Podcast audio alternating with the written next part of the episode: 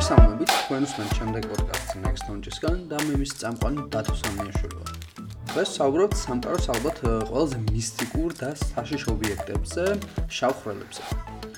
შავხრელებზე ყველა ხსმენია, მას პოპულარული კულტურაც აქტიურად იყენებს, თუმცა რა ვიცი რეალურად მათზე. შავხრელები სამყაროში ყველაზე მასიური ობიექტებია. მათი გრავიტაციული ველი იმდენად ძლიერია, რომ არაფერს სინათლესაც კი არ ძალუძს მისი მიზიდულობისგან თავის დაღწევა. აქედან გამომდინარეობს მათი სახელიც.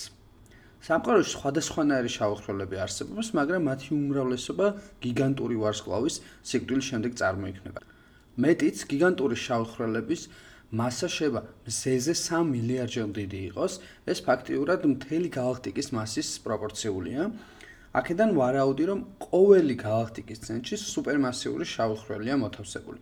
რომელიც თავისი კოლოსალური გრავიტაციის ხარჯზე მილიარდობით ვარსკვლავის სისტემაზე მოქმედებს. და რა ხდება ამ მონსტრებში რეალურად?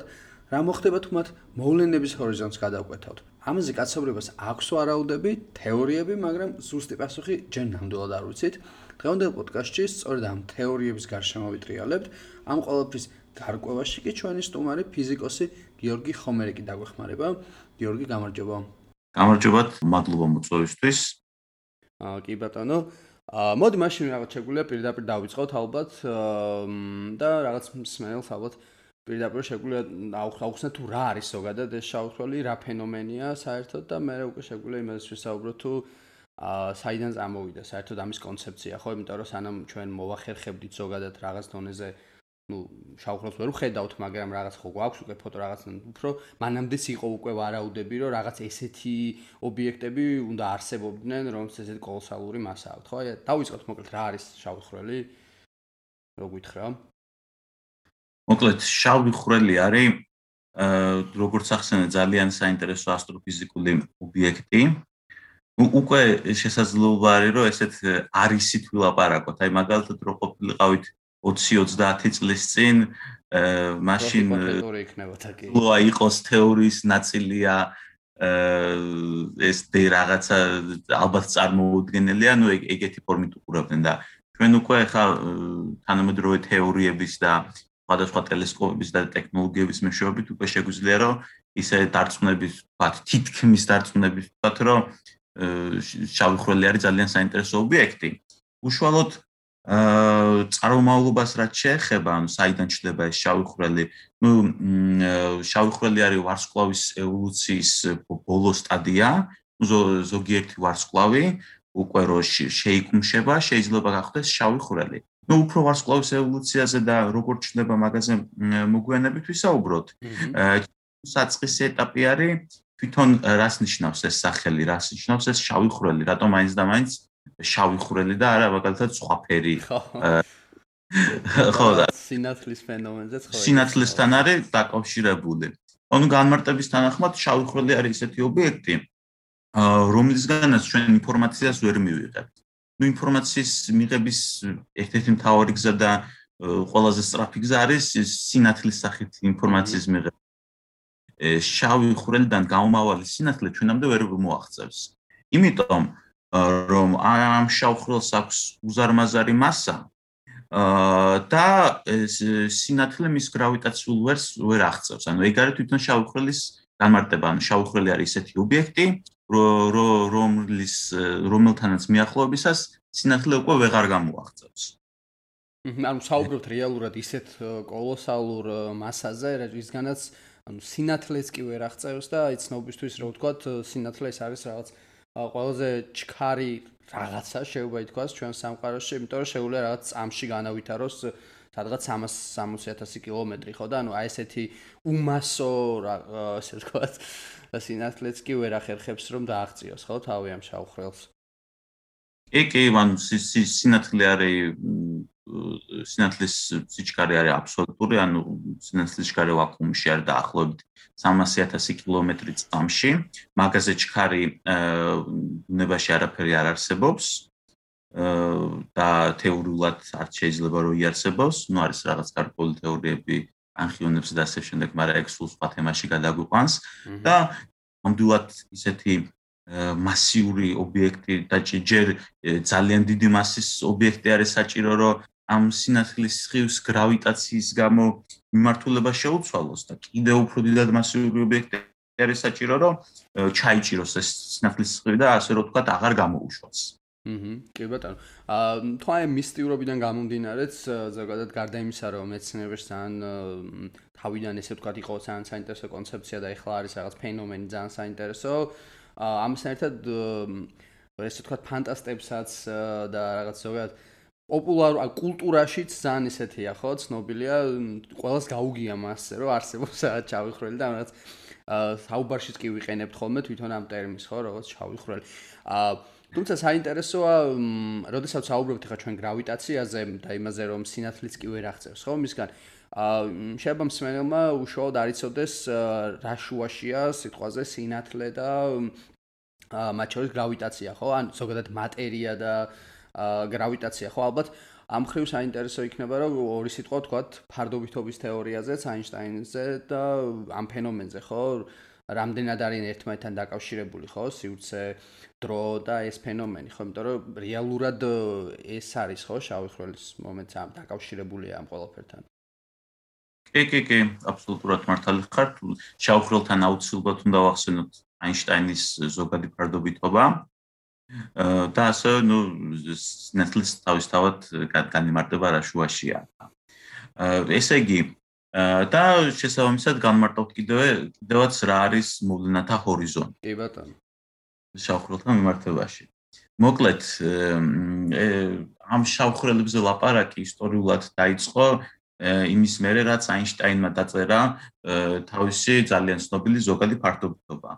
ზოგადი ფარდობითობის თეორია, რომელიც, ну, ჩემი აზრით, ფიზიკაში ერთ-ერთი მნიშვნელოვანი ის არის რა. ნიუტონის შემდეგ ალბათ ეს იყო. კი, კი, ნამდვილად, ანუ სირთულით და идеოლოგიურად მოფიქრებისთვის ჩემთვის რა ვიცი პირველი ის არის რა ქვია, ანუ ეგეთი ეგეთი კონცეფციის შემუშავება და თან იმ დროში ეგეთი რაღაცის მოფიქრება მის შეუძლებელი იყო და ვერავინ ვერ გააკეთებდა თუ არა ისეთი გენიოსი როგორც აინშტაინი იყო.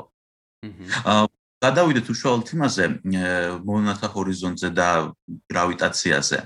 მოკლედ როგორც ნიუტონის მექანიკიდან ვიცით, შედარებით მარტივი მექანიკიდან აი ნებისმიერ მასიური სხეული რო იზიდავს მეორე მასიურ სხეულს. დედამიწაზე რატომაც გვაქვს გრავიტაცია. ეგ ეგ ნიუტონის მექანიკა ცხადი ასე ვრცელდება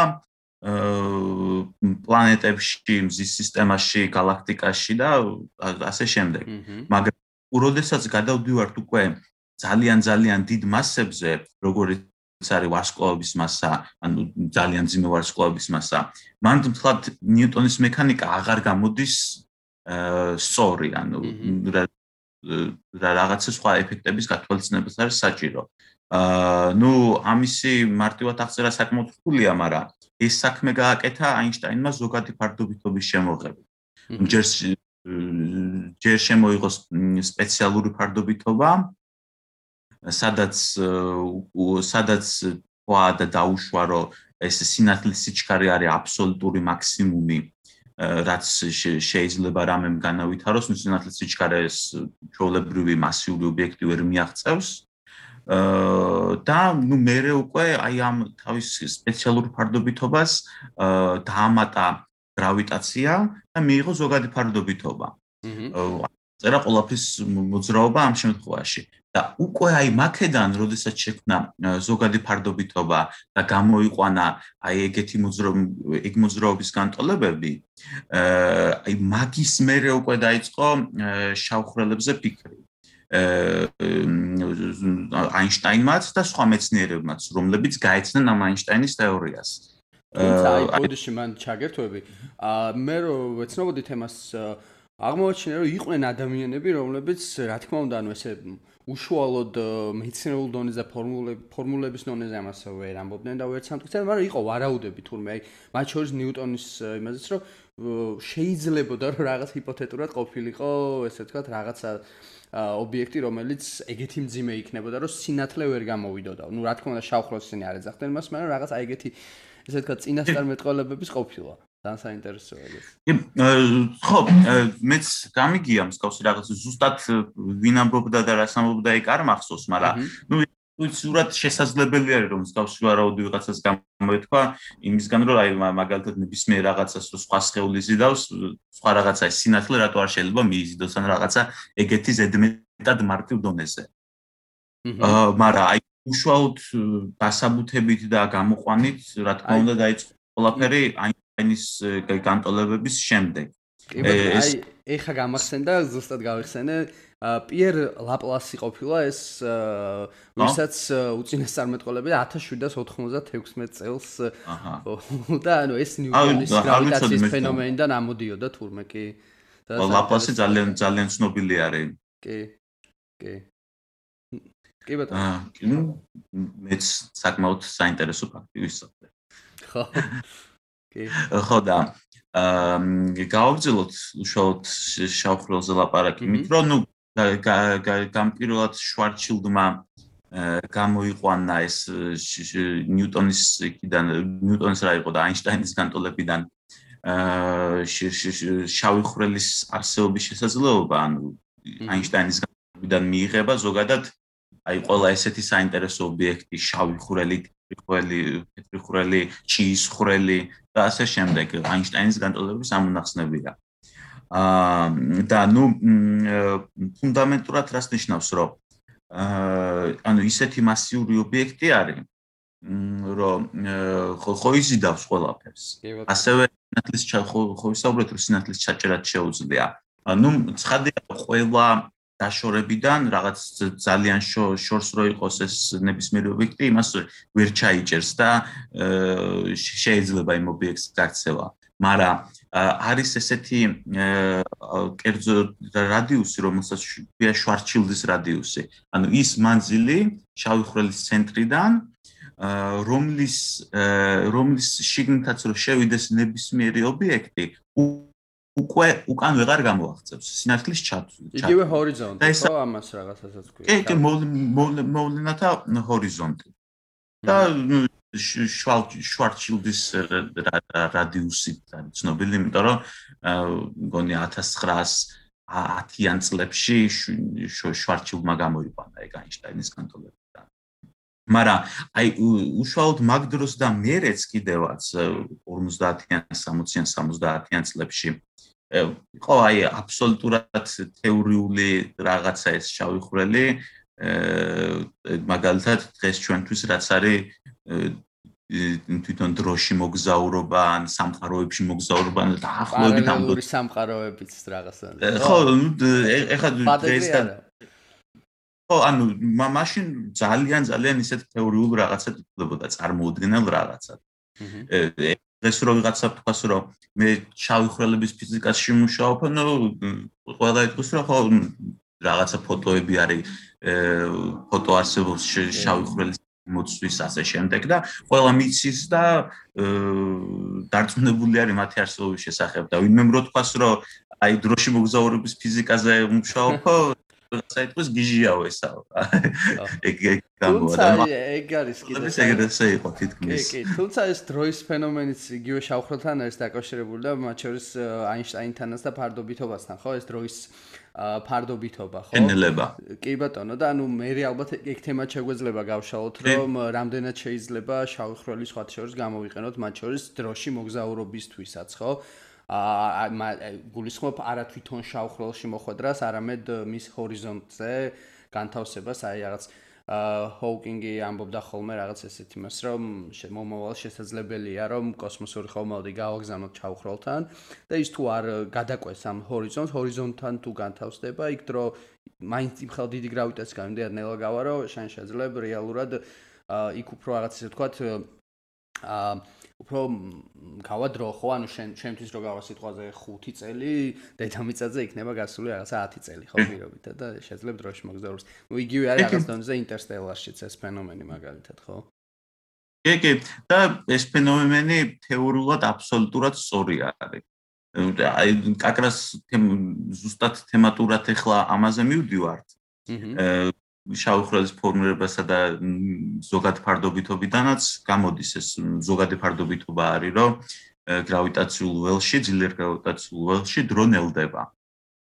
და ფილმ ფილმ თითქმის ფილმებიდან და ისეთი ცნობილი ფილმიდან როგორც ინტერსტელარია, თითქმის ყველა მიცის ამ ზედმეტად საინტერესო ფენომენის შესახებ. და ნუ მართლა ეგრე არის, დრო უფრო ნელა გადის იმათვლის სისტემაში, აა ნუ ბევრი მოსაზრებები არსებობს. აა მაგალითად შეიძლება ბიოლოგიური საათი ადამიანის გადიოდეს სხვანაირად, მაგრამ ეგ უკვე ზედმეტად კომპლექსური საკითხი არის და ზუსტად შესწავლილი არც არის. მაგრამ მეცნიერულად და ექსპერიმენტულად დამტკიცებული არის ის, რომ აა დრო მართლაც ნელაგადის სპეციალური შემთხვევაში, ანუ და ატომური საათებით დანიშნული არის, რომ თვითნავი ძალიან ძალიან სწრაფად რომ მიფრინავს. აა რაღაცა დროის ჩამორჩენა არის ლაბორატორიული ლათვლის სისტემის ან დედამიწის დროსთან შედარებით. და ცხადია ეს ეს თეორიაც ნუ იგივე იქნება ძლიერ გრავიტაციულ ველში.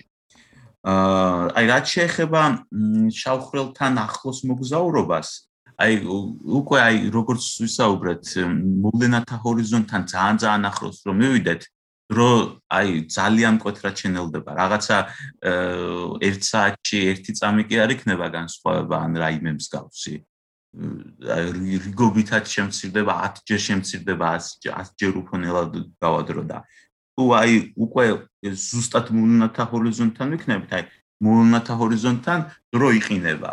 ანუ უსასრულოდ ნელაგადის იქ დრო.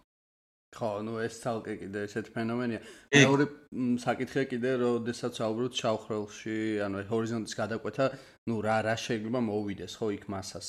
მატერიას უფრო სწორედ ანუ იმ ხელა მასიდან აა კი ეგეც ძალიან საინტერესო საკითხია განვარცხოთ ამაზე რომ აი ისე შავხრელთან მოგზაურო ვთქვათ. ნუ ეს ეს ყველაფერი უნდა დაშვებით, რომ იქ იმდენად იმდენად ძლიერი ძლიერი გრავიტაციულია, ეგ ეგ გრავიტაციულმა ვთქვათ, რომ არაფერი არ გვიქნას, დროს რა მოვა, რა თქმა უნდა, შავფროლთან რომ მიუახლოვდებით, იმდენად ძლიერი გრავიტაციულია, რომ რაღაცა ოდნავ ახლოს შავფროლთან ყოფნას და ოდნავ მოშორებით ჩვენი ზომებთან შედარებით ექნება უკვე ძალიან დიდი მნიშვნელობა გრავიტაციული ძალის კუთხით და ნუ იქ გადარჩენა შეუძლებელი იქნება ასე რომ ვთქვათ.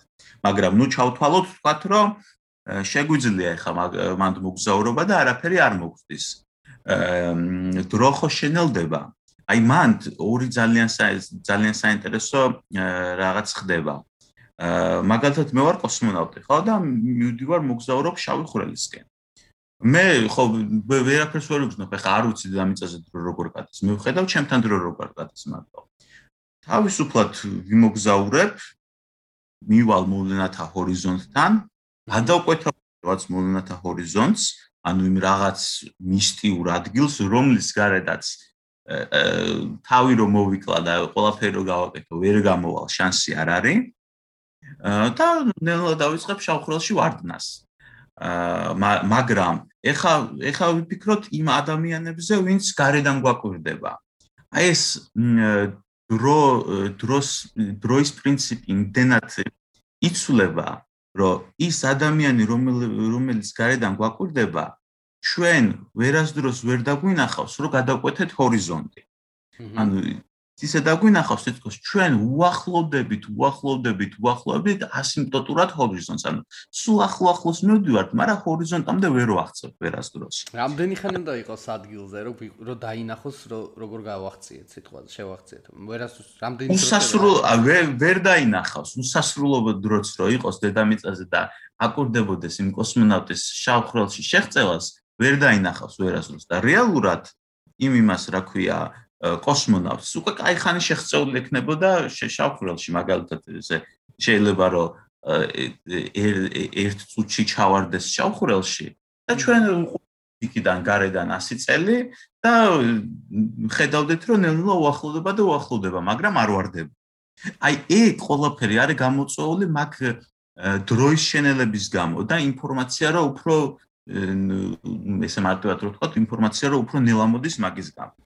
ხო, აი ეგ არის ძალიან საინტერესო მოვლენა კიდე რომ მაგასთან ერთად აი ზოგჯერ ეძახიან ხოლმე ესე ვთქვათ, აი ამ ხელ მასის გამო შავხრელ სივრცე აქვს ჩახეულია, ხო? ან გახეული რაღაც ესე ტერმინსაც ხმარობენ ხოლმე, ხო? აი საინტერესო იქნებოდა ალბათ სცენარისტვის, რომ აუხსნათ რა ფენომენია იქ, ხო? ანუ რა რა შეიძლება, როგორ შეიძლება იყოს სივრცე ჩახეული მასისგან, ხო? ამის შედარება პოპულარულ ენაზე მოაქვს ხოლმე ის რომ რაღაც ფურცელს აჩვენებენ და მას რაღაც დაადებ, ის იზნიქება და რაღაცნაირად შეიძლება ბოლომდე გაიხეს, ხო? აი ეს ფენომენი რო ახსნათ რეალურად როგორ წარმოგვიდგენია ეს? რა ხდება ამ ხრივ? აი წინ რაც ვილაპარაკეთ უკვე იქიდან გამომდინარეობს ეგ დროის გარდაქმნიდან ანუ გამრუდება გამრუდებაში იგულისხმება ის რომ ნებისმიერ წერტილში ანუ ამ წერტილში და ამ წერტილში დრო უკვე გადის სხვადასხვანაირად და როც რო შემოვიტანოთ გრაფიკში აი ეგ გულისხმება უკვე გამრუდებაში. და ნუ გახევაში ალბათ იგულისხმება ის რომ აი ის ის ჰორიზონტის ის პატარა ადგილი ნუ აი მაგალითად აქ ეს ეს არის მაგალითად გვაქვს რაღაც ჰორიზონტი. აა იმის გარეთ დრო არის უკვე გამრუდებული და იმის შიგნით უკვე ჩვენ ჩვენ ვეღარაფერს ვეღარ დავინახავთ და იგი ჰორიზონტთან უკვე გაყინული არის ეგ არის ესეთი მარტივი ინტერპრეტაცია ხა ზუსტად მექანიკური ინტერპრეტაციაც კი აი კურსაზე რო დებენ რაღაცას და რო იზნიქება, ну ლამაზად წარმოსადგენი არის. აა ეს ალბათ ცოტა ბოლოსკენ მინდა ამაზე საუბარი, რა შეიძლება იყოს ეს ჰიპოთეტურად, რა თქმა უნდა, შაუხროლის მეორე მხარეს იყოს და ალბათ ამას ჯობია მე მოუბრუნდეთ. ეხლა უბრალოდ საინტერესო იქნება ის, რომ შენ უკვე თავში ახსენე, მაგრამ უფრო კომპლექსურად რო გავშალოთ, აა როგორ ჩდებიან რეალურად ეს შავი ხროლები? ხო, არის ერთი, ანუ არის რამდენიმე ვერსია, ესე ვთქვათ, როგორც მე ვიცი, ერთ-ერთი რომ ვარსკვლავისგან როდესაც ჩდება, ანუ რაც სუპერ ვარსკვლავი რომ ფეთქდება და შემდეგ ხდება.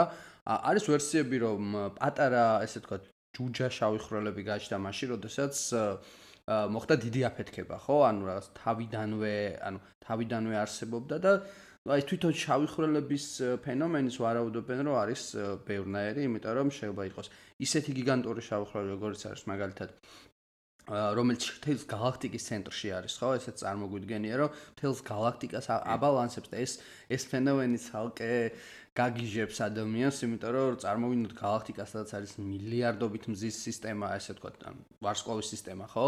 თავისი მილიარდობით პლანეტებით.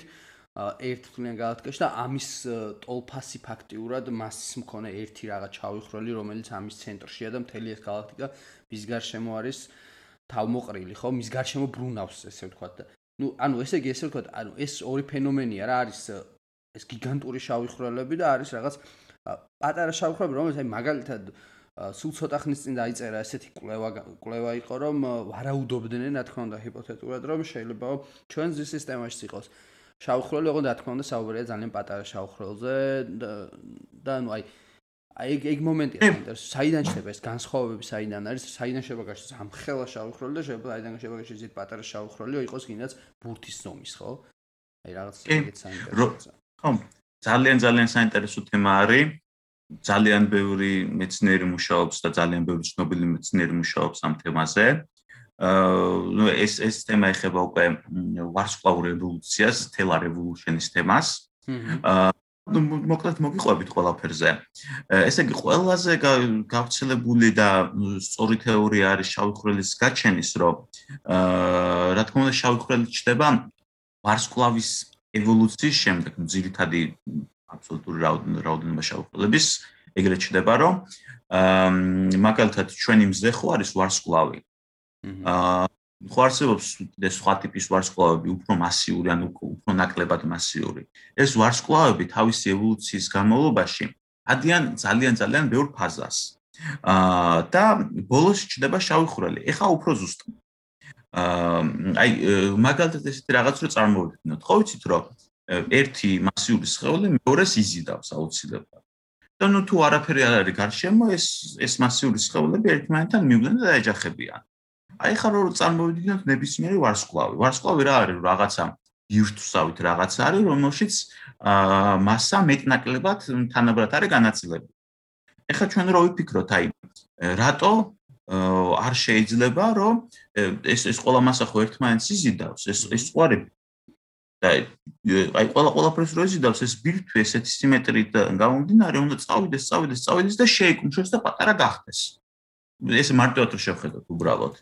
ну ეს ხადი არ ხდება იმიტომ რომ უყურებთ მზეს და მზეს არაფერი არ მოსდის არ იკუმშება და შავი ხრელი არ ხდება აა თავდაპირველ საწყის ეტაპზე ესეთი რაღაცის მოხდენა შეუძლებელია იმიტომ რომ აა ну ცხადია გრავიტაციის გამო უნდა ამ ვარსკვლავს შეკუმშვა და დაპატარავება მაგრამ აა მინაიდან ვარსკვლავი ასხივებს და მაშინ მიმდინარეობს თერმობირთული რეაქციები აი ამ გამოსხივების წნევა არ აძლევს საშუალებას, რომ ამ ვარსკვლავს შეიგუმშოს. მაგრამ ნუ დროთა განმავლობაში სხვადასხვა ევოლუციის ეტაპებს რო გაივიდეს ეს ვარსკვლავი ან ის რა ქვია ეს როგორც ვთქვათ საწვავი გამოელვა ხო სულ ხوار გამოასწრა ძალიან მუდმივად დიდ ენერგიას მთელი სამყაროს ასაკის განმავლობაში რაღაცის მერე ის თერმობირთული რეაქციების რესურსი ამოიწურება და გადავა ევოლუციის სხვა ეტაპზე. ან მოკლედ, ძირითადად ესეთი ესეთი ეტაპები არის ხოლმე, რომ არსებობს ვარსკვლავების რამდენიმე ტიპი. ну მარტივად რო დავყოთ სამ ტიპად ერთი არის ყავისფერი ჯუჯა ვარსკვლავები რომლებიც დიდად არ გვაინტერესებს იქიდან არაფერი არ მიიღება თავისთვის არიან უბრალოდ. მეორე არის მცირე მასის ვარსკვლავები და დიდი მასის ვარსკვლავები. აი მცირე მასის ვარსკვლავი მაგალითად არის ჩვენი მზე. რაღაცა ევოლუციის ეტაპზე ეს რა რამდენიმე მილიარდი წლის მერე ეს ჩვენი მზე ადგება და ნელ-ნელა დაიწყებს მოცულობაში ზრდას. მოცულობაში ზრდას რო დაიწყებს, აა იმ გახდება წითელი გიგანტი. ანუ ზუსტად აი ამ სხვა ძალების და რაღაცების გამო. შედარებით ფიზიკურად ძალიან კომპლექსური ფიზიკა არის და შედარებით ვცდილობ რომ მარტივ ენაზე ახსნა. ხო, თუმცა ჩვენი მზე ვერ იმასიზამს, ხო? ანუ შეგვიძლია თქვა. შავი ხრელი ვერ გახდება. კი, მივალთ მაგამდე.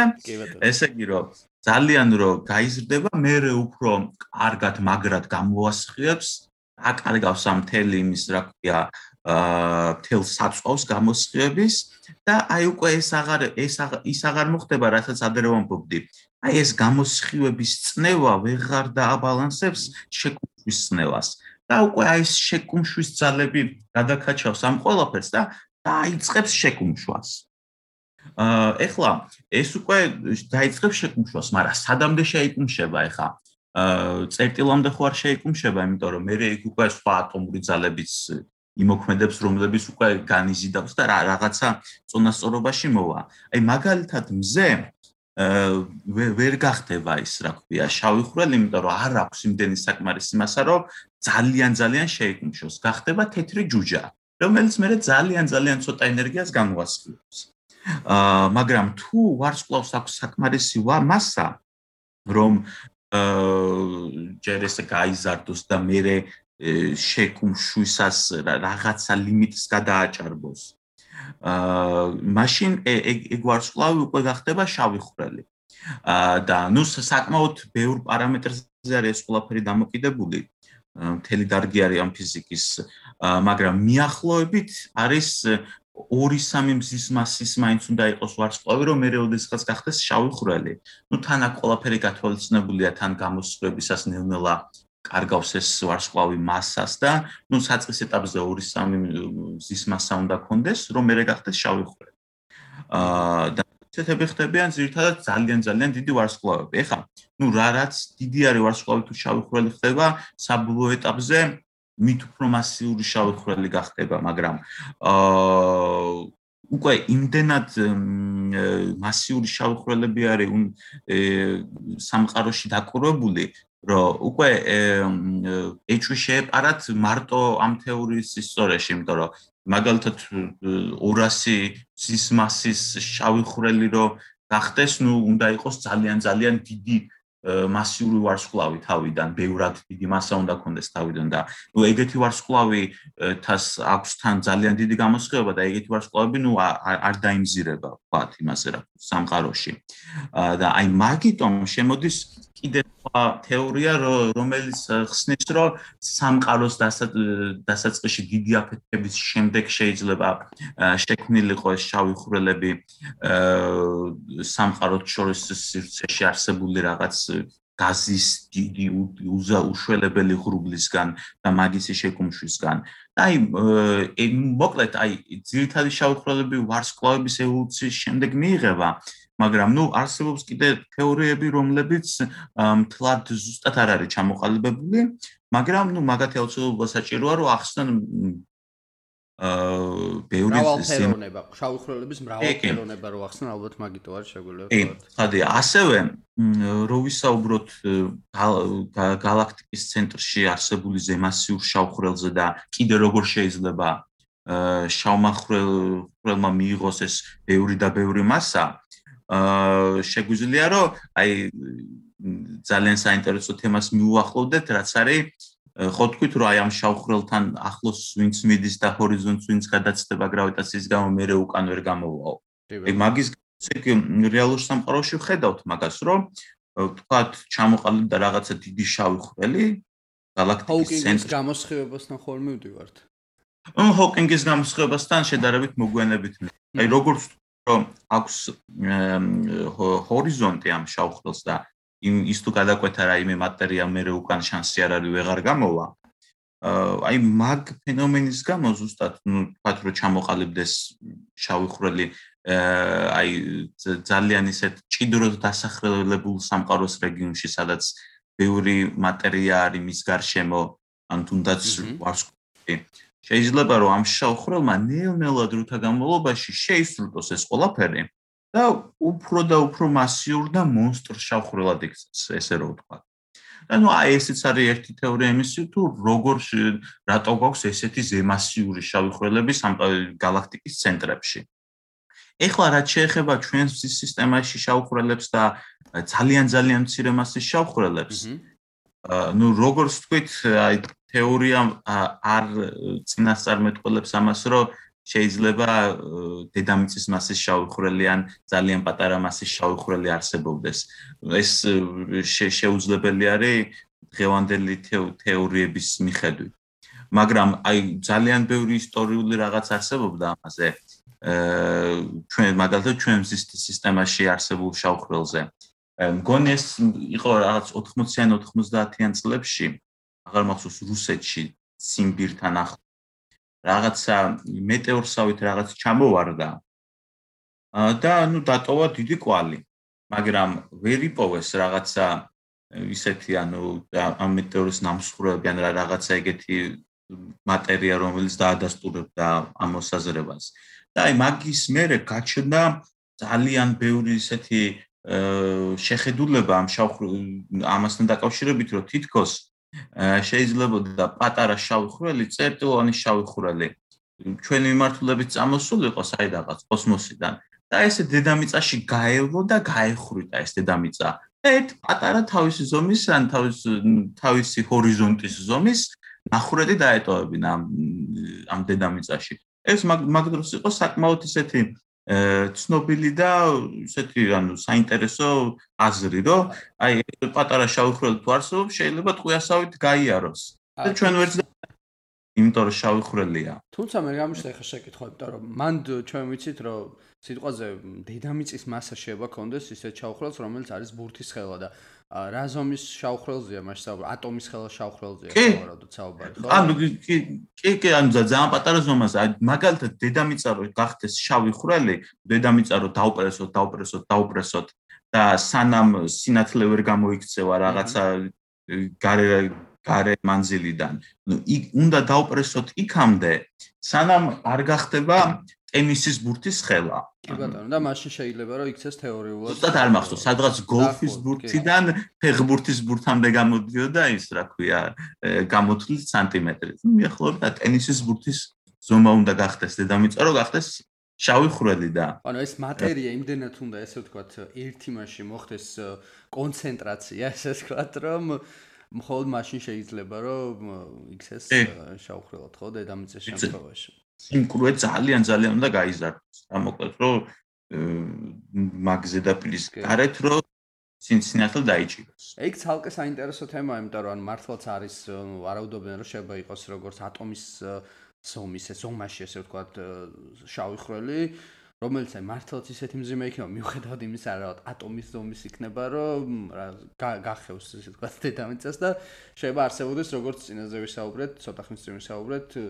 იმ ხელა ზომის შავი ხვრელები, რომლებიც galaktikებს აა galaktikების ცენტრში არიან და მთელი ეს სისტემები მის გარშემო ბრუნავენ, ხო?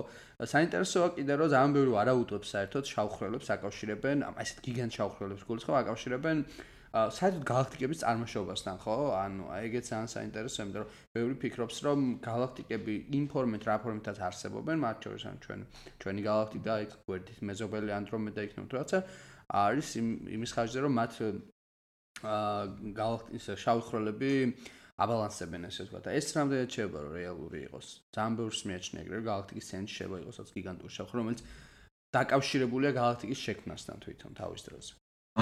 კი, ეგ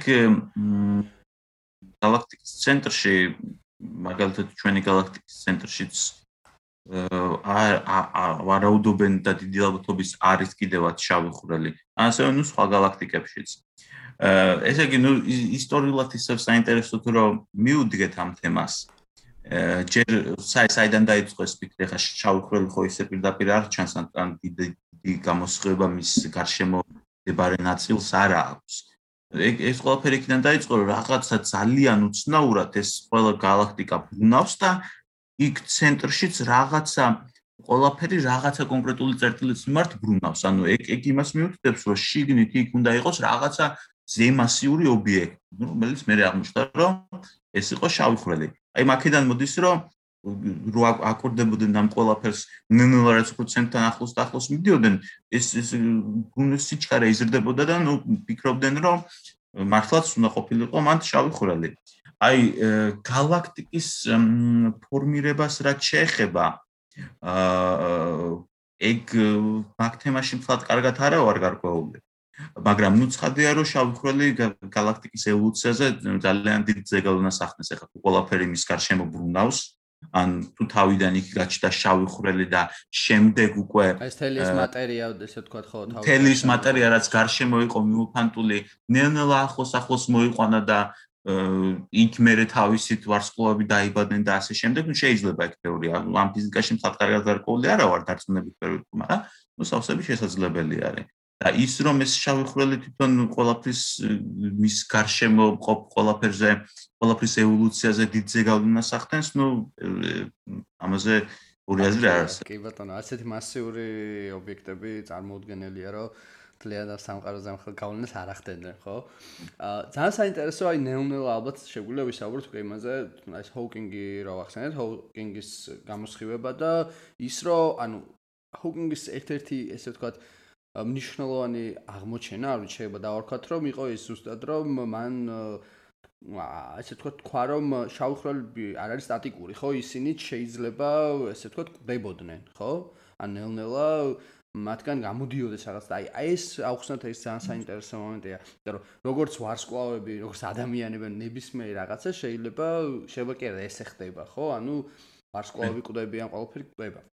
დროსთან ერთად აი შავხრელებზეც არის ესეთი რაღაცა რომ შავხრელიც შეიძლება კვდებოდეს და ამას ეძახიან ჰოუკინგის გამოსხივებას, იმიტომ რომ მისგან ხდება გამოსხივება. მიუხედავად იმისა, რომ რომ ჩვენ ვთქვით რომ შეიძლება იქნას სინათლეც არ გამოდიოდეს, აი ეს გამოსხივების ფენომენი მაინც არსებობს. ეს რა არის გამოსხივების ფენომენი? ძალიან საინტერესოა. ეს ჰოუკინგის გამოსხივება შავხრელების ფიზიკაში ერთ-ერთი ყველაზე ცნობილი ფენომენი არის და ფიზიკურად ასევე საკმაოდ რთული გამოყვანილი არის კვანტური ფიზიკით და ზოგადი ფარდობითობით. აა მოკლედ და მარტივად ვახსნათ. ჯერ თუმცა თავდაპირველად დავიწყოთ იმით, რომ აი როგორც თქვი რაღაცას ეს ეს თქვა შავი ხვრელი ფორმირებული იქნა შეიკუმშა რაღაცა ვარსკვლავი, სულ ხო იქ არის რაღაცა ხო უნდა მოუვიდეს ვთქვათ მაგის ირგვლივ აღარ არის ბევრი მატერია და ვეღარაფერს ვეღარ ისრუტავს ეს შავი ხრელი. ხო, ან ჭამს ჩაულებრივ, ხო, რაღაც იკვებება ეს. ვეღარაფერი საჭმელი აღარ აქვს გარშემო, ყველაფერი ჭამა, ხო? თვითონ შიგნით ხო მარტო აღარ დარჩება, რაღაცა ხო უნდა მოუვიდეს. ხო და აი ერთ და ეგეთი რაღაცა ნუ შეიძლება უკვე ეგ წამოვიდა იქიდან რომ უფრო მეტი სტატისტიკურად უფრო მეტი შავი ხურელი უნდა ყოფილიყო მაგ ჩოლებრივი დათულები. აა ჩოლებრივი მოდელებიდან მიიღება ანუ რაღაც სტატისტიკიდან ამდენი ვარსკვლავი არის, ესეთი ტიპის რაღაც 10% არის იმ ტიპის ვარსკვლავი რომლიდან შავი ხურელი შეიძლება ფორმირდეს და რეალურად ეხა რო შევისწავლეთ რაღაცა შავი ხურელი ბევრად ბევრად ცოტა არის. ეგ ორი ორი რაღაცის გამო შეიძლება იყოს შავი ხურელი ბევრად ბევრად ცოტა, ერთი იმის გამო რომ ვერ ვაკვირდებით წესიერად და ვერ ვამჩნევ თუ შადოსადმე შავი ხრელი არის. მეორე ასევე აი ჰოკინგმა რაც გააკეთა თეორია შექმნა იმაზე, რომ შავმა ხრელმა როგორ შეიძლება ენერგია დაკარგოს. ასევე შავი ხრელის მოვლენათა ჰორიზონტიდან როგორ შეიძლება ეგრეთ წოდებული რაღაცის აურთქლება მოხდეს. და ეგ არის ჰოკინგის რადიაცია. ჰოკინგის რადიაცია არის ესეთი ცნება, რომ რაღაც აი შავი ხვრელის ჰორიზონტთან ძალიან ახლოს რაღაც კვანტური ეფექტების გამო შეიძლება გაჩნდეს ორი ცალი ფოტონი რომელიღაცა ნაწილაკიდან. და ერთი ფოტონი აი შეიძლება ჩავარდეს უკან შავ ხვრელში გადაკვეთოს მომთა ჰორიზონტი და ვერასდროს ვერ გამოვიდეს გარეთ. და მეორე ფოტონი შეიძლება დააღწიოს ამ შავს. ეს კარეთ, ანუ ნუ ჰორიზონტის აკეთება. კვანტური მექანიკის განუზღრელობის ფენომენთან მივდივართ, ხო? მე მგონი ის რო ნაწილი. კი, კი, კი, ეს ეს ყველაფერი ნუ კვანტუმ ინტალგმენტის შუაში არის ზოგადად როგორც ეძახა. კვანტურ მექანიკაც, მაგრამ ნუ უფრო კერძოდ რო ვახსენო რა არის შუაში, ნუ საკმაოდ ისეთ ფორმულების ფიზიკაში ჩავალთ, რომელიც ექსპერტიც მეც ნამდვილად არავა. ეს და პროფნო ეს არის რომ ერთი ფოტონი იქითკენ ჩავარდება, მეორე გამოვაგარეთ რაღაცა ენერგია ექნება და ნუ ეს ძალიან შორს რო დაშორდება ეს ფოტონი შავხროს და რაღაცა ენერგია რო ექნება, ეგ ნიშნავს რომ გასწართვა ეს ენერგია და შავხროს წართვა ეს ენერგია. და ეს ენერგიის წართვა ნუ იგივე არაც მასის დაკარგვა. ასე რომ ვთქვა და თან ეს პროცესი თუ ბევრი არის ბევრი ბევრი არის ესეთი პროცესი, ბევრი პროცესი ხდება, ნელ-ნელა დაკარგავს თუ დაკარგავს ეს შავი ხრელი ენერგიას და ნუ ისე აქ საინტერესო ის არის, რაც უფრო პატარა არის შავი ხრელი, მით უფრო სწრაფად კარგავს ენერგიას ამ ჰოკინგის რადიაციის გამო. აა ასევე აქ ჰოკინგის რადიაციასთან ერთად მინდა შევეხო ერთ ძალიან საინტერესო თემას, რომელიც რომელიც დაახლოებით იდეურად იგივე არის.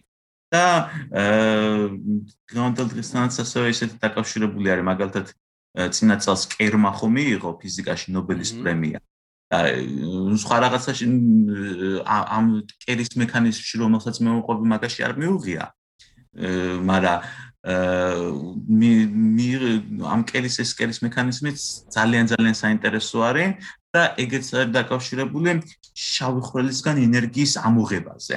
და ზედმეტად ძალიან ძალიან ძალიან მარტივად შეიძლება გაგება. აა ნუ ისე ისე ვარ თქვათ შავხრულთან ახლოს, მაგრამ ძალიან ახლოს არა, ჰორიზონტი არა გვაქვს გადაკვეთილი. ჰორიზონტის გარეთ ვართ, ჯერ გამოქცევა შეგვიძლია. და ფირმა აი ფორმულებით და ზოგა აინშტაინის ზოგადი ფარდობითობის გამოყენებით მიიღო ესეთი რაღაცა. თუ ერგოსფეროში, ნუ ერგოსფერო არის შავხრულთან სანამ ჰორიზონტამდე მიხვალთ, იქამდე ახლოს იქამდე რაღაცა რეგიონი. ნუ ასევე აქ აუცილებელი არის რომ შავი ხვრელი ბრუნავდეს. კი ბატონო. აი ეს შავი ხვრელი თვითონ თუ ბრუნავს, სიმსედროც ბრუნავს მის გარშემო. აა და იქ თუ ახლოს თუ გვაქვს რაღაცა ნაწილაკი აა და აი ეს ნაწილაკი თუ გაიყო ორად აა ერთი ნაწილაკი ჩავარდა შავ ხვრელში, მეორე ნაწილაკი გამოვიდა გარეთ.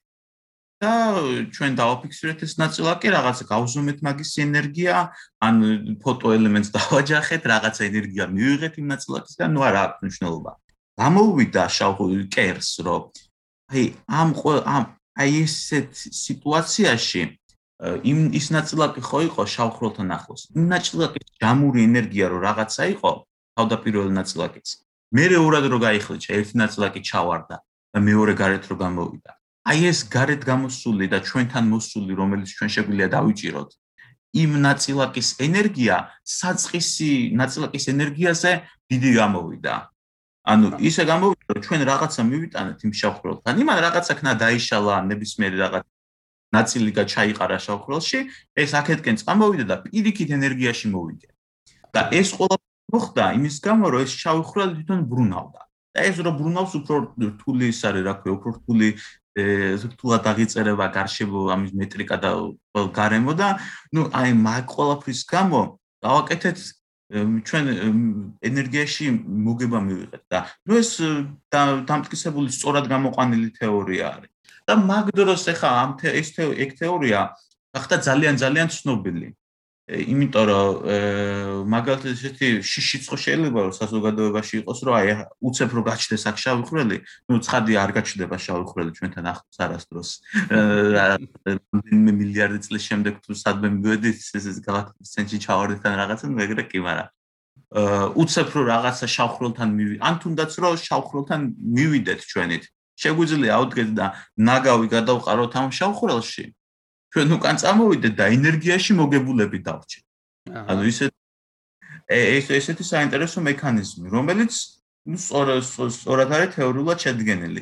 ну მაგრამ მე უკვე სამწუხაროდ აღმოჩნდა რომ ეს ეგეთი რეაქცია რაც კერმა გამოიყენა ნაწილაკის გაყოფის ბუნებაში არ არსებობს, ну ვერც იქ იმ შავხურელთან ვერ იარსებებს და უფრო თეორიულ რაღაცად დარჩა, მაგრამ მაკკერის შრომების მერე ბევრი რაღაცა მაკკერის თეორემის მაკკერის მექანიზმის შეცვლა სხვადასხვა რაღაცებში გამოყენება ხდება და ну შეიძლება მაინც რაღაც ძალიან საინტერესო ის არის.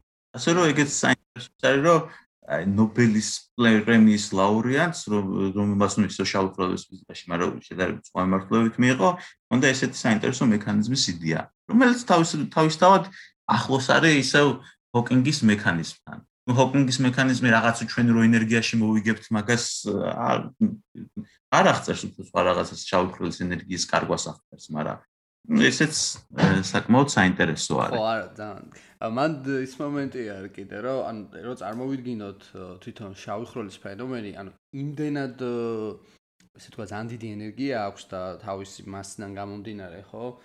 მომავალში ჩვენ მას ახეობამ თუ გააგრძელა განვითარება იმ დონეზე, რომ რაღაცა უფრო და უფრო მეტი ენერგიები დაგჭირდა, ალბათ შეიძლება ზუსტად ერთ ერთ მომენტში იქამდეც მივიდეთ, რომ ეს ენერგია რაღაც ინსტრუმენტად გამოვიყენოთ, ხო, დღეს თუ იყენებთ მზის ენერგიას პირობითად ვამბობ, მზის ენერგია აღებული მილიარდო მილიარდო ჯერ უფრო მასიური რაღაც ობიექტების ენერგიაც ან რაღაც შეიძლება გამოვიყენოთ, ხო, მომავალში, თუმცა ნუ ეს ძალიან ჰიპოთეტური რაღაცაა და ძალიან რთულია მაგალითად და გალ. მაგრამ სხვათა შორის ეგეთი მიმართულებით არის საკმაოდ საინტერესო შრომები, რომ აი მაგალითად არსებობს ზე განვითარებული უცხო პლანეტელთა ცივილიზაცია.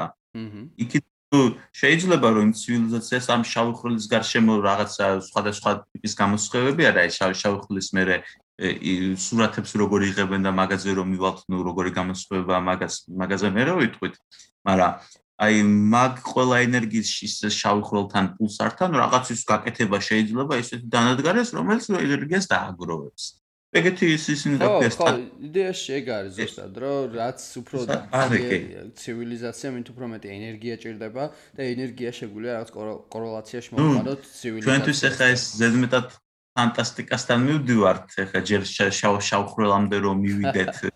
ხო. ხომალდით შეუძლებელია მარსამდე ძლივს მივდივართ და მაგრამ იდეალიზირებულ შემთხვევაში და რაღაცა საოცარი ზე ცივილიზაცია თუ არის სადმე შეიძლება აი ყველაფერი ეგრე იწყებოდა ხო? ოდესღაც მაგალითად იყო რომ მარს უბრალოდ უყურებდნენ უბრალოდ დაფიქსირებდნენ და დღეს უკვე გვინდა რომ მარსზე დავსხდეთ ხო? აი უკვე შეგვიძლია იქამდე მთვარეს უყურებდნენ იმის იქამდე ცას უყურებდნენ უბრალოდ. ე არტურ კლაკს აქვს ესეთი კოსმოსური ოდისეა, ერთ ერთი კოსმოსური ოდისეა რომანიც ხო არსებობს ფილმთან. და მან არის ესეთი პერსონაჟი, ერთი თვარის შემყურე, რომელიც გარეთ გამოდის ეპითეკანტროფია ეს თქვა რა, ანუ homo sapiens-ამდე ბევრად წინა რაღაც ეს არის ეტაპია რა, ადამიანის სახეობის და ეს უყურებს თვარეს და ვერ ხვდება თვარის ფენომენი რა არის, ანუ ვერ აღიქოსოს ძალიან შორშეობა იყოს და მისი ესე ვთქვათ მასში ევოლუცია ხდება მასში, როდესაც ხეზე ადის და ხელს იწვდენს მთვარისკენ. ანუ რაღაც ისეთი უყალიბდება, რომ რაღაც შემეცნებისკენ არის რა და ნუ მე ეს ლინკი აქვს ესე ვთქვათ აქვს მე რომ ეს თვარის შემყურე, რომელიც უყურებდა ამ თვარეს მომავალში უკვე ადამიანია, რომელიც პირდაპირ მნიშვნელობით მისი შთამომავალი, ესე ვთქვათ, უკვე მთვარეზე ზის, ანუ მიწვდა ამ მთვარეს, ხო? რაღაც მომავალში შეიძლება ესეთი განვითარება კონდეს. აი ძალიან საინტერესო აქედან შეგვიძლია ალბათ პირდაპირ გადავიდეთ უკვე იმაზე, როგორ დავაფიქსირეთ ჩავიხრელი, ხო? სულ ცოტა ხნის წინ 2019 წელს იყო ეს თუ არ მეშლება და როდის შევხედეთ, ანუ შავხროლის შემყურეები 2019 წელს გავხდით, ხო? ეს ძალიან საინტერესო, როგორ შევძელით ეს რა ფენომენი იყო, იმიტომ რომ შავხროლი ვიცით რომ შავია და იქიდან სინათლე არ გამოდის. თუმცა ჩვენ მოახერხეთ ასეთ რაღაცის დამზერა, ხო? აი როგორ მოხდა ეს? კი, კი, ეს ეს ესეც ძალიან ძალიან ესეთი ცნობილი, აი იქამდეც თუ ვინმე მარიცოდა ეს შავხროლის არსებობა ან შავხროლზე არ უნდა გაგმილი. უკვე აი მაგ ფოტოს გამოქვეყნების შემდეგ ნამდვილად თითქმის ყველა მიცოდა. საკმაოდ ისე ვირუსულად გავრცელდა და ნამდვილად დიდი წინ გადადგმული ნაბიჯი იყო მაგ დაკურებების მეცნიერებაში.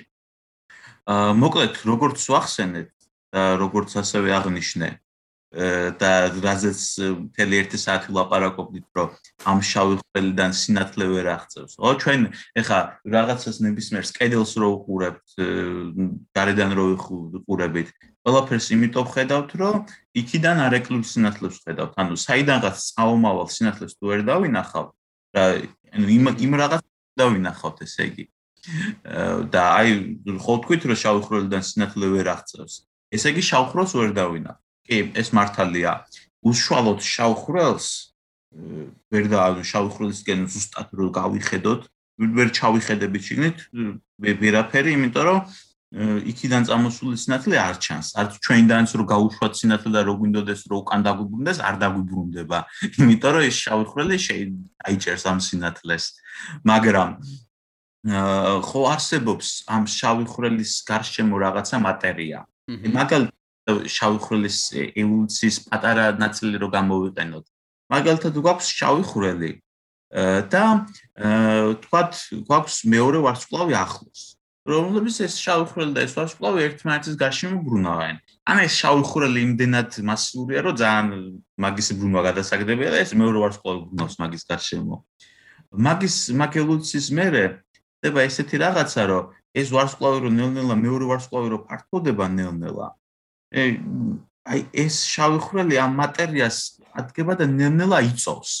და ეგრევე ხო არ შეიწოვს ყველაფერს, ხო ნუ რაღაცა დრო ხო უნდა ეს სანამ ყველაფერი რო ბრუნავს, სანამ ბრუნვით ნელ-ნელა დაეცემა ეს მატერია შავ ხვრელამდე. აი მაგის გამო წარმოიქმნება ხოლმე რასაც ეძახიან აკრეციული დისკი. ანუ ეს ჩვეულებრივ ეს მატერია ნელ-ნელა თან ბრუნავს შავხრელის გარშემო და თან ეცემა და ნელ-ნელა ის შავხრელი ისრუტავს. მაგრამ ეს ეს ბრუნვაც ცხადია ხდება შავხრელის იმ ჰორიზონტის გარეთ, ხო? ის ეს რასაც ჩვენ ხედავთ და აი ეს ეს ბრუნვა რო ხდება და ნელ-ნელა შავხრელი რო ისრუტავს ამას, იქ ხომ მატერია არის. აა ეს მატერიაც ერთმანეთს ეხახუნება, არის დიფერენციალური ბრუნვა. ეს მატერიალს ნუ ცხადია ხელი არის აქ საკმაოდ დიდი ენერგია. და აი ამ მაგ შავხრელთან მდებარე მაგ მატერიის გამოსხივებას ხედავთ და აი როგორც ვთქვი დისკია ხო? ესე გარშემო აქვს შავხრელს. ანუ ჩვენ და ჩვენ იმ აკრეციულ დისკს თუ ხედავთ დავინახოთ რომ ნუ იმ დისკიდან წამოსულ გამოსხივებას და შუაში რაღაცა შავია. შუაში არაფერი არ მოდის იმიტომ რომ იქაა შავხრელი და იმ ფოტოსაც თუ ეგრე კარგად ეგრე დააკვირდებით, ну ნახავთ რომ რაღაცა გარშემო რაღაცა განათებული რაღაცა ხედავ და შუაში შავი. ну ეგ ეგ არის შავი ხვრელის ფოტო. რო შავი ხვრელის გარემოცვას გადაუღეს და და დააფიქსირეს ეგ ყველაფერი. ასევე შესაძლებელი არის კიდე სხვადასხვა ტიპის გამოსხივების დაფიქსირება შავი ხვრელისგან. აი გაკრეციული დისკის დაფიქსირება და რომელმაც კარგად წარმოაჩინა რომ შუაში შავი რაღაცა წერტილი იყო და იქიდან არაფერს ურ ხედავდით და გარშემო ხედავდით. ეგ ძალიან რთულია, იმიტომ რომ აა არა აქვს ახლა იმას რა ქვია აკრეციულ დისკს ეგეთი ძალიან ძალიან დიდი გამოსხება თან ძალიან ძალიან შორს არის ყველაფერი. ანუ ეგრე ზუსტად რო გადავიღოთ სურათი. ну სხვადასხვა საკმაოდ ძლიერი გამოსხება აქვს მაგ აკრეციულ დისკს, ну აკრეციულ დისკსაც გააჩნია. შეიძლება ვარსკვლავზე დიდი გამოსხებაც ჰქონდეს. აა და ასევე არსებობს რელატივისტური ჯეტი ან ნაკადი. ამ ამ შავხროლთან ესეთი რაღაცა ხდება, რომ ეს აკრეციული დისკი ხო არის? აა შავხროლი ხო არის და რაღაცა მასის ნაწილი კი არ იყრება იმ შავხრელში. რაღაც მაგნიტური ველების ამ აკრეციული დისკის და ბევრი ბევრი პარამეტრის გამო ეს რაღაცნაირად ულის ამ შავხრელს გვერდს. ამ შავხრელის ბრუნვის გამო რაღაცნაირად თვითონ ჩქარდება ის მატერია და ნაწილაკები. და ეს ეს შავხრელის ეს ზემოთ ესე იმასავით რა ქვია დიდ ნაკაცავით ეს ჯეტი ესე ამოდის და მაგას აქვს ძალიან ძალიან დიდი გამოსხივება. რომელიღაცა galaktikაში არის ეგეთი შავხრელი რომელსაც აქვს ეგეთი ძლიერი ჯეტი რომელიც ან ძალიან მთელი galaktikis გამოსხივებაზე ძლიერი გამოსხივება აქვს იმ ჯეტს და რაღაცა ათეულობით პარსეკის მანძილზე ჩანს ეგის რა ქვია ჯეტი მოკლედ ძალიან ძალიან შორს. და თითქოს აი ამ გამოსწორების მექანიზმების გამო რაც შავხრელთან ახლოს არის ჩვენ შეგვიძლია რომ ის ეგენი დააფიქსიროთ მაგას გადავიღოთ სურათი ნახოთ რომ ესე წრიულად რაღაც გამოსწორები არის გამოსწორები არ არის და უცებ შუაში ჰოპ არაფერი არ არის. არაფერი არ არის იმიტომ რომ იქ არის შავხრელი აი ხდება მაგ სურათის გადაღება ხოლმე სამაგარი. და თან ძალიან დიდხანს აკვირდებოდნენ ხო ამას როგორც ვიცი ანუ რომ გადაიღოთ ეს ფოტო ანუ ძალიან დიდხანს ხდებოდა ამაზე დაკვირვება ხო კიდე ეგ ცალკე კიდე ის. კი კი კი. მონაცემებს არ ვიცი წლობით იღებდნენ მგონი მონაცემებს. ზუსტად არ ვიცი მაგრამ იმიტომ იმიტომ არის რთული რომ ეს შავი ხრელი არის ძალიან შორს. აა ფოთა შორის ჩვენი galaktikis ცენტრში მყოფ შავხრელსაც გადაუყეს მგონი ფოტო. ეს რომელი შავი ხრელია ხო არის ანუ ეს ეს პირველი შავი ხრელი მგონი სხვა galaktikაში იყო აღარ მახსოვს ზუსტად.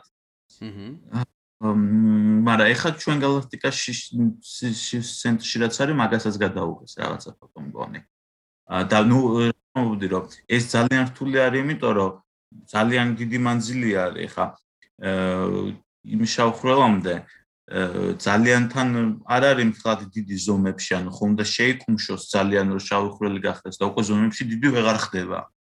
და იმ შურეზე ეგეთი ეგეთი რეზოლუცია რომ მივიღოთ და იქიდან ინფორმაცია ზუსტად რომ მივიღოთ ისე რომ გარშემო რაღაცების მოსულმა ინფორმაციამ და სინათლემ ხელი არ შეგვიშალოს, ძალიან ძალიან მძლავრი ტელესკოპია საჭირო.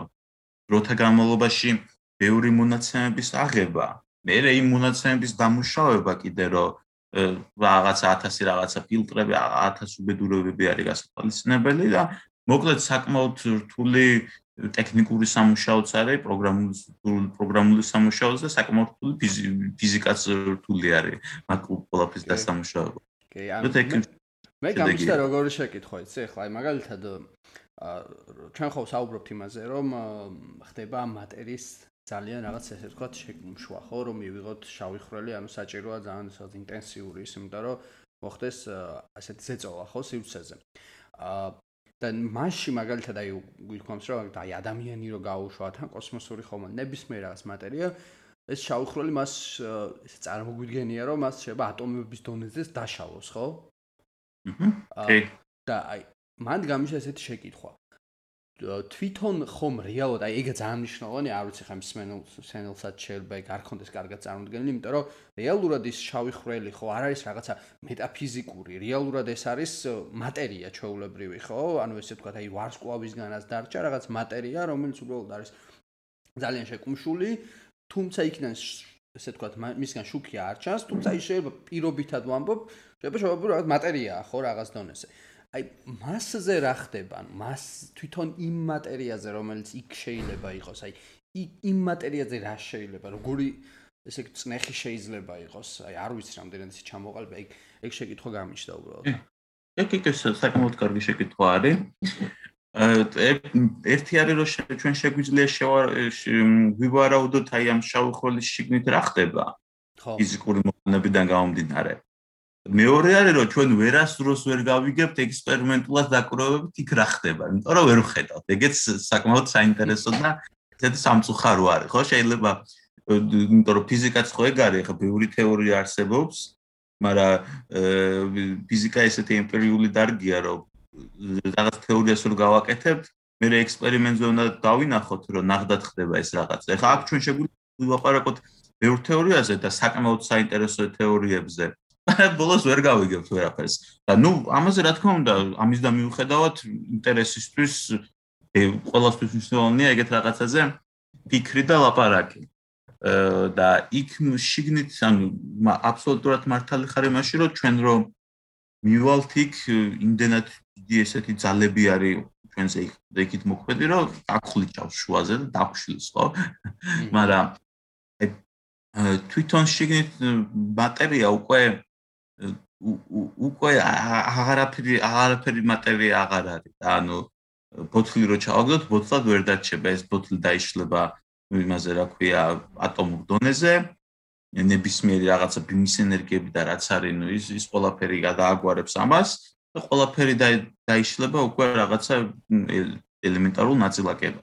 თუმცა, თუმცა ძალიან საინტერესო რომ ფაქტია რომ ის მატერია მაინც არის, იმიტომ რომ ის რეალურად ეს ეს კოლოსალური გრავიტაცია იმიტოა რომ ეს ეს შეკუმშული მატერიაა, ხო? აი კი, კი, კი, კი, იქ მატერია ანუ დაიშალოს ეს იმას რა ქვია, შიგნით არის უბრალოდ ევრი ბევრი ესეთი ძალიან ჭიდროთ დასახლებული ეს ეს რა ქვია მატერია. ნაწილაკები შეგვიძლია ვთქვა უფრო ნაწილაკები. ხო, ნაწილაკები კი.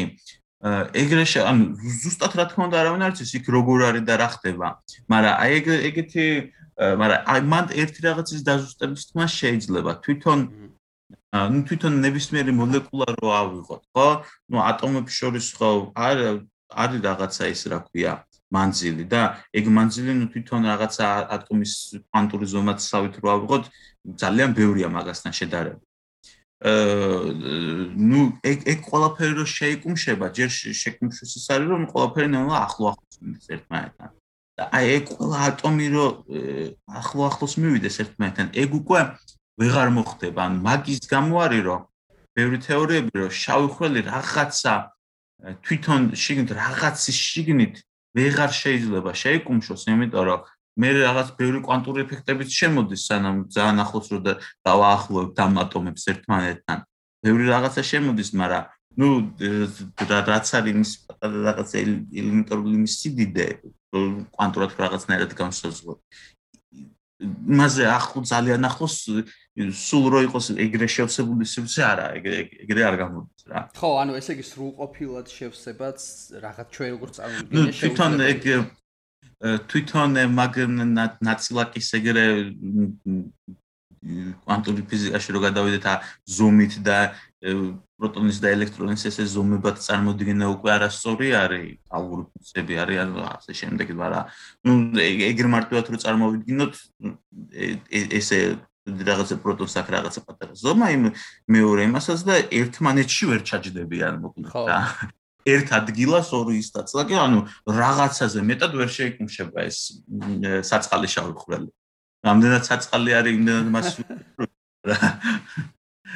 ხო ან სნოური იმიტომ რომ ეგ ეგ ფენომენი ცალკეა ხო რეალურად იმიტომ რომ აი ეს ატომებს შორის იმაში ხო სივრცეებია ხო ეს ჰიპოთეტურად რო ვთქვა და ანუ ამ შემთხვევაში ხდება ესე ვთქვათ მათი დაკავშირება, თუმცა აი როგორც ჩვენ თქვი, ეს ვერ იქნება იმ დონეზე სრულად, ხო, რომ მათ შორის რაღაც აღარ იყოს ჭალებში, ეგეთ დონეზე ვერ მოხდება, ანუ ხო? ხო, ხო. და მე გამიშთა ესე შეკითხვა, შეიძლება ამან საერთოდაც გააჩინოს იქნებ, იქნებ, არ ვიცი, ძალიან ჰიპოთეტურად საუბრობთ ხო რეალურად, ხო? ისეთი მატერია, რომელიც ჩვენ უბრალოდ არ ვიცით. ანუ ანუ ესეთმა ზეწოლამ, ესე ვთქვათ, ანუ ამ შავხრელში გააჩინოს რაღაც ახალი ფორმის მატერია. შეიძლება ეგეც არის. კი, კი, კი, კი, კი, სავსებით მართალი ხარ.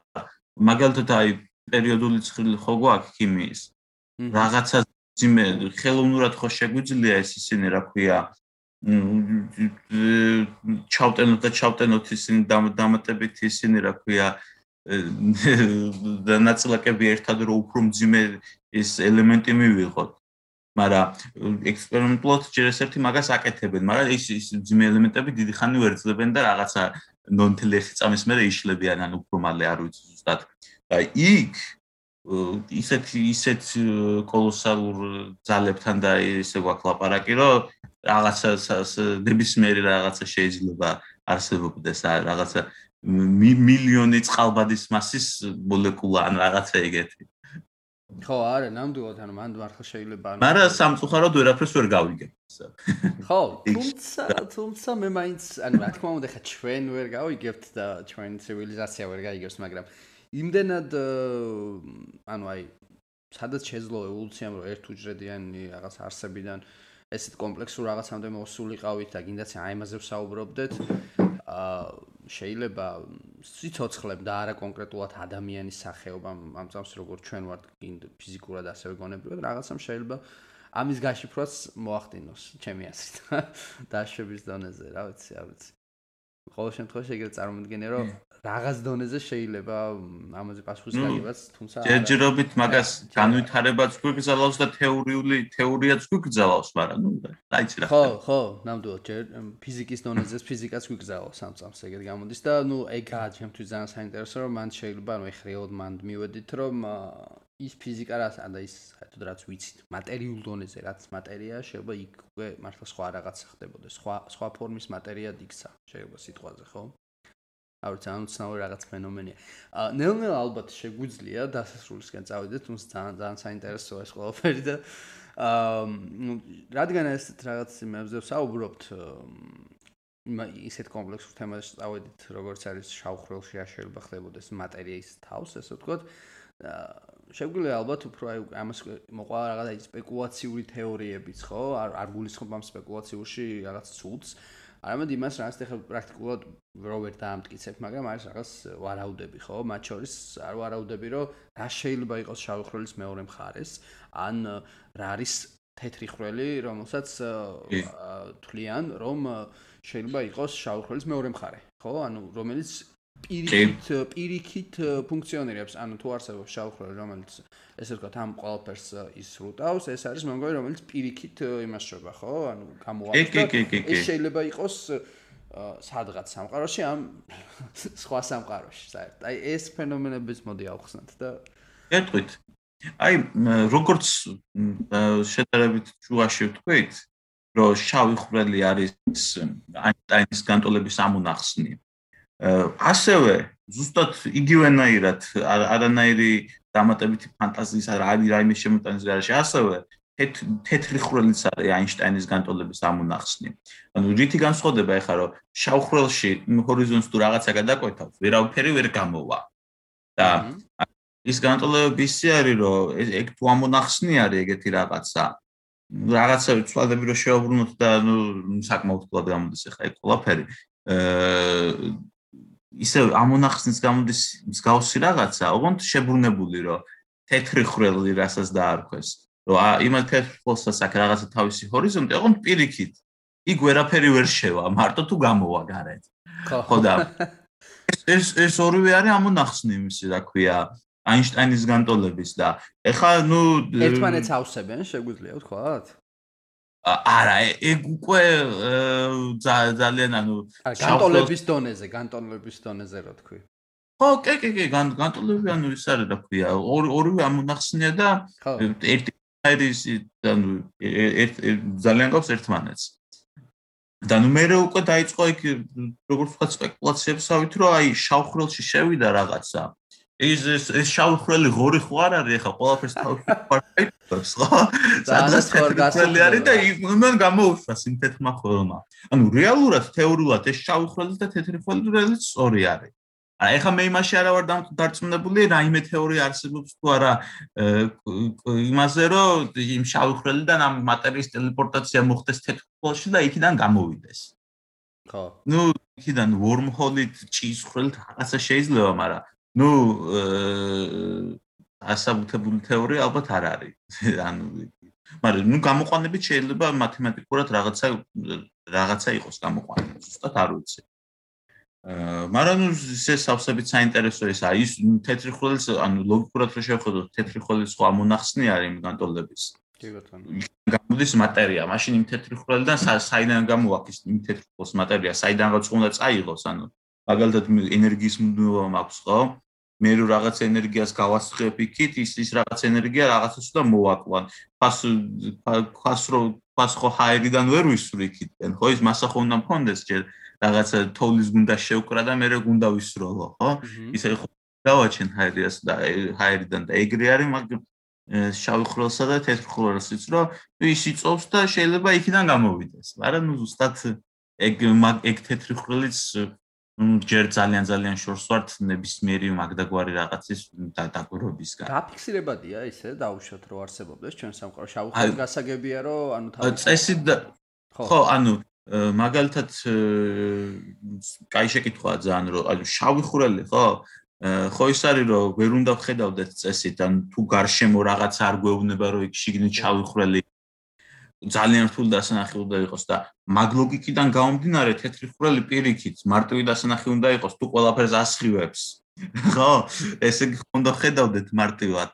და ნუ ვერ ხედავთ ესე იგი უფრო თეორიული რაღაცა არის ვიდრე რეალური. არა, ნუ შეიძლება თუმცა შეიძლება არ იყოს ისეთი იქი და ბოლოში არის ჩაყრილი პატეტრი ხრელები და აქეთკენ არ არის მაგრამ ხო აი რაღაც ბრტყელი დედამიწა წარმოიდგინეთ საჯერჯერობით. ბრტყელი დედამიწა წარმოიდგინეთ რაღაც ბოლოში რომ რაღაცები იყრებოდა აი რაღაც ეგეთ სამყარო ბოლოსკენ არის შეიძლება თეთრი ხრელები და იქიდან იყრება ხო ნუ ეგ უკვე მართლა რთულია. თუმცა იგივე თეთრი ხროლის ფენომენით შეიძლება არსებობდეს უბრალოდ იყოს პატარები და არ ხდებოდეს ესე კოლოსალურად მატერიის გამოტყორცნა, ესე ვთქვათ და მაგიტომაც ვერ ხედავდით. არ ვიცი ნუ ეს ყველაფერი. აი მანდაც მაგ თეთრ ხროლსაც არ ვიცი ზუსტად, მაგრამ აი შავ ხროლს თუ აქვს თავისი ლიმიტები, რომ რაღაცა რაღაცაზე პატარა ვერ იქნება. მაგ თეთრ ხროლსაც ალბათ ეგრე იქნება ეგ ლიმიტები თეორიულად არ ვიცი ზუსტად. Ну უფრო ნაკლები მუშაობა მიმდინარეობს მაგ მაგ მიმართულებით იმიტომ რომ როგორც ვთქვი თეორიულად უფრო ფანტასტიკის სკენარი უკვე შავი ხროლი აღარაა ფანტასტიკისკენ და ასე რომ აქეთკენ უფრო ბევრი მუშაობს და იმის თეორიის განმარტება შედარებით ნელა მიდის ხო თუმცა ძალიან საინტერესო აა და რა ვიცი ანუ ბევრი იმასაც ფიქრობს რომ ეგ შავი ხროლი შეიძლება იყოს აი როგორ თქვა აა ნუ საერთოდ არც ვიცით რა არის ხო ეს პარალელური სამყაროების ფენომენი ბოლომდე ხო? ნუ რაღაცი კვანტური მექანიკიდან ხდება სპეკულაციები რომ შეიძლება არსებობდეს ალტერნატიული რეალობები და აქედან შედებოდეს რაღაც პარალელური სამყაროები ნუ ბევრი ფიქრობს იმას რომ შავი ხრელი შეგიძლია რომ რაღაც სხვა სამყაროში გახვიდე რომელიც არის აა ესე ვთქვათ როგორ ვთქვათ სხვა რეალობა. სადაც შეიძლება იყოს სხვა ფიზიკის კანონები მაგალითად რა და ნუ ბევრი სხვა შეიძლება რაღაც დიდაფეთქებასთანაც აკავშირებენ ხოლმე არ ვიცი ჩვენ შეგვიძლია თუ არა დავაკავშიროთ ანუ აი პირველ გამოტყორცნასთან რა ანუ რაც როცა მოხდა რაღაცა. პირველ რაც შეიძლება და რაღაც დიდაფეთქება მომხდარიყო რომ მე აქედან რაღაც დაკავშირებულ ხოლმე შავხრობთან არ ვიცი რამდენად შეგვიძლია მაგასთანაც დავაკავშიროთ რას ფიქრობ? ეგ ჯერ სამყაროების კავშირი აი ეგ ეგ მე მეეჭება. ნუ ხა ალბათ ფანტასტიკა არის სადაც სამყაროებიდან სამყაროში გადასვლა, სამყაროში ისა. მაგრამ იმ შავი ხურელის შიგნით რა ხდება არ ვიცი. ანუ თეორია ეხა მაგაზე არ არის ისეთი რაიმე რაიმიდან გამოყვანილი ან რამე ეგეთი რომ მაგალითად ეს შავი ხრელი აუდგედა სიმების თეორიასთან რაღაცა ეგრე დავაკავშირო. აა მაგასთან ასე რომ ნუ მაგაზე ბევრს მე მეცნიერულად ფანტასტიკა თოლია თოლია კი. ნუ სიმების თეორიაც რეალურად ხო ეგეც ხო არაუდია მაინც. კიდაც ხო. ნუ კი კი კი აბსოლუტურად თეორიული არის, მაგრამ სიმების თეორიის მართლობა არის, სადაც ძალიან მაგხავს როგორც ვიცი. ძალიან ძალიან მაგარი ფიზიკოსები მუშაობენ, რთული მათემატიკა აქვს და რაღაცები, ბევრი რაღაც არის გამოყვანილი. კი. ზერო ნუ ხო, მაგრამ სიმების თეორია სხვა ჩერ სადაც როგორც მე ვიცი, დამატებით განზომილებებსაც ითხოვს, ხო, ფორმულების დონეზე. კი, კი, კი, ბევრი როქია არა პარალელური სამყაროების არცეობის შესახებ ამ სიმის ხევა რომელმაც ერთმა შეიძლება მეორეზე რაღაც იგავნა მოახდინოს. ეგ ეგ კიდე ცალკე ხო არა ცალკე ცალკე თემა ნამდვილად. კი კი კი აა რა ვიცი მე მგონი შეგვიძლია დავასრულოთ და რა ვიცი აა ვინც გვისმენდა შეგვიძლია უთხრათ რომ არ მე მგონი მე ყველაფერი გაიგეს უკვე შავხრელზე რაც შეიძლება რომ გაიგოთ მაგრამ რა ვიცი არ მაგარი რაღაცა ეს შავხრელები და ყველა ყველაფერი ნუ იმედი გვაქვს რომ კარგად გაიგეს რაც ვილაპარაკეთ. სად ყველაფერს ვერ გაიგებდნენ, იმიტომ რომ ყველაფერს ვერასდროს ვერ გავიგებთ. ვერავინ. უმეტე იქნება გასაგები. კი, კი, ეგ ეგ ძალიან კაია და რა ვიცი, ანუ შევეცადეთ ყოველ შემთხვევაში რომ ეს პოპულარულ კულტურაში რაც არის შავხრელებზე გავრცელებული ინფორმაცია, ანუ ჩვენ შევეცადეთ რომ მეცნიერულად გვესაუბრა ხო ამაზე და ძალიან სასიამოვნო იყო ჩემს ჩემ მოსმენამ. კი კი კი ძალიან დიდი მადლობა ვისაც ძალიან სასიამოვნო იყო ძალიან დიდი მადლობა რა ვიცი და დროებით სვენელსაც დიდი მადლობა მოსმენისთვის დიდი მადლობა მოწვევისთვის ასეთ საინტერესო თემაზე მოწვევისთვის განსაკუთრებით და რა თქმა უნდა ასევე დიდი მადლობა სვენელსაც რომელმაც ელი ამ დროის განმავლობაში მოგვისმინა კი ბატონო ჩემთვის ეს მე მე დი გვაქვს რომ საინტერესო ინფორმაცია მიიღე კი, ჩემთვის ეს პოდკასტი კონკრეტული რაღაც ერთ-ერთი ფავორიტია, იმიტომ რომ ძალიან გაიპარა დრო ისე რომ ვერც ვიგზენი და ძალიან მომეწონა ამ თემასავე. ვა, უი, საათზე მეტი გასულა. კი, ბატონო. სულ ვიგზენი სიმართლე რო გითხრა. ჩემი ხედა. აა, მადლობა ძალიან და რა. დიდი დიდი მადლობა.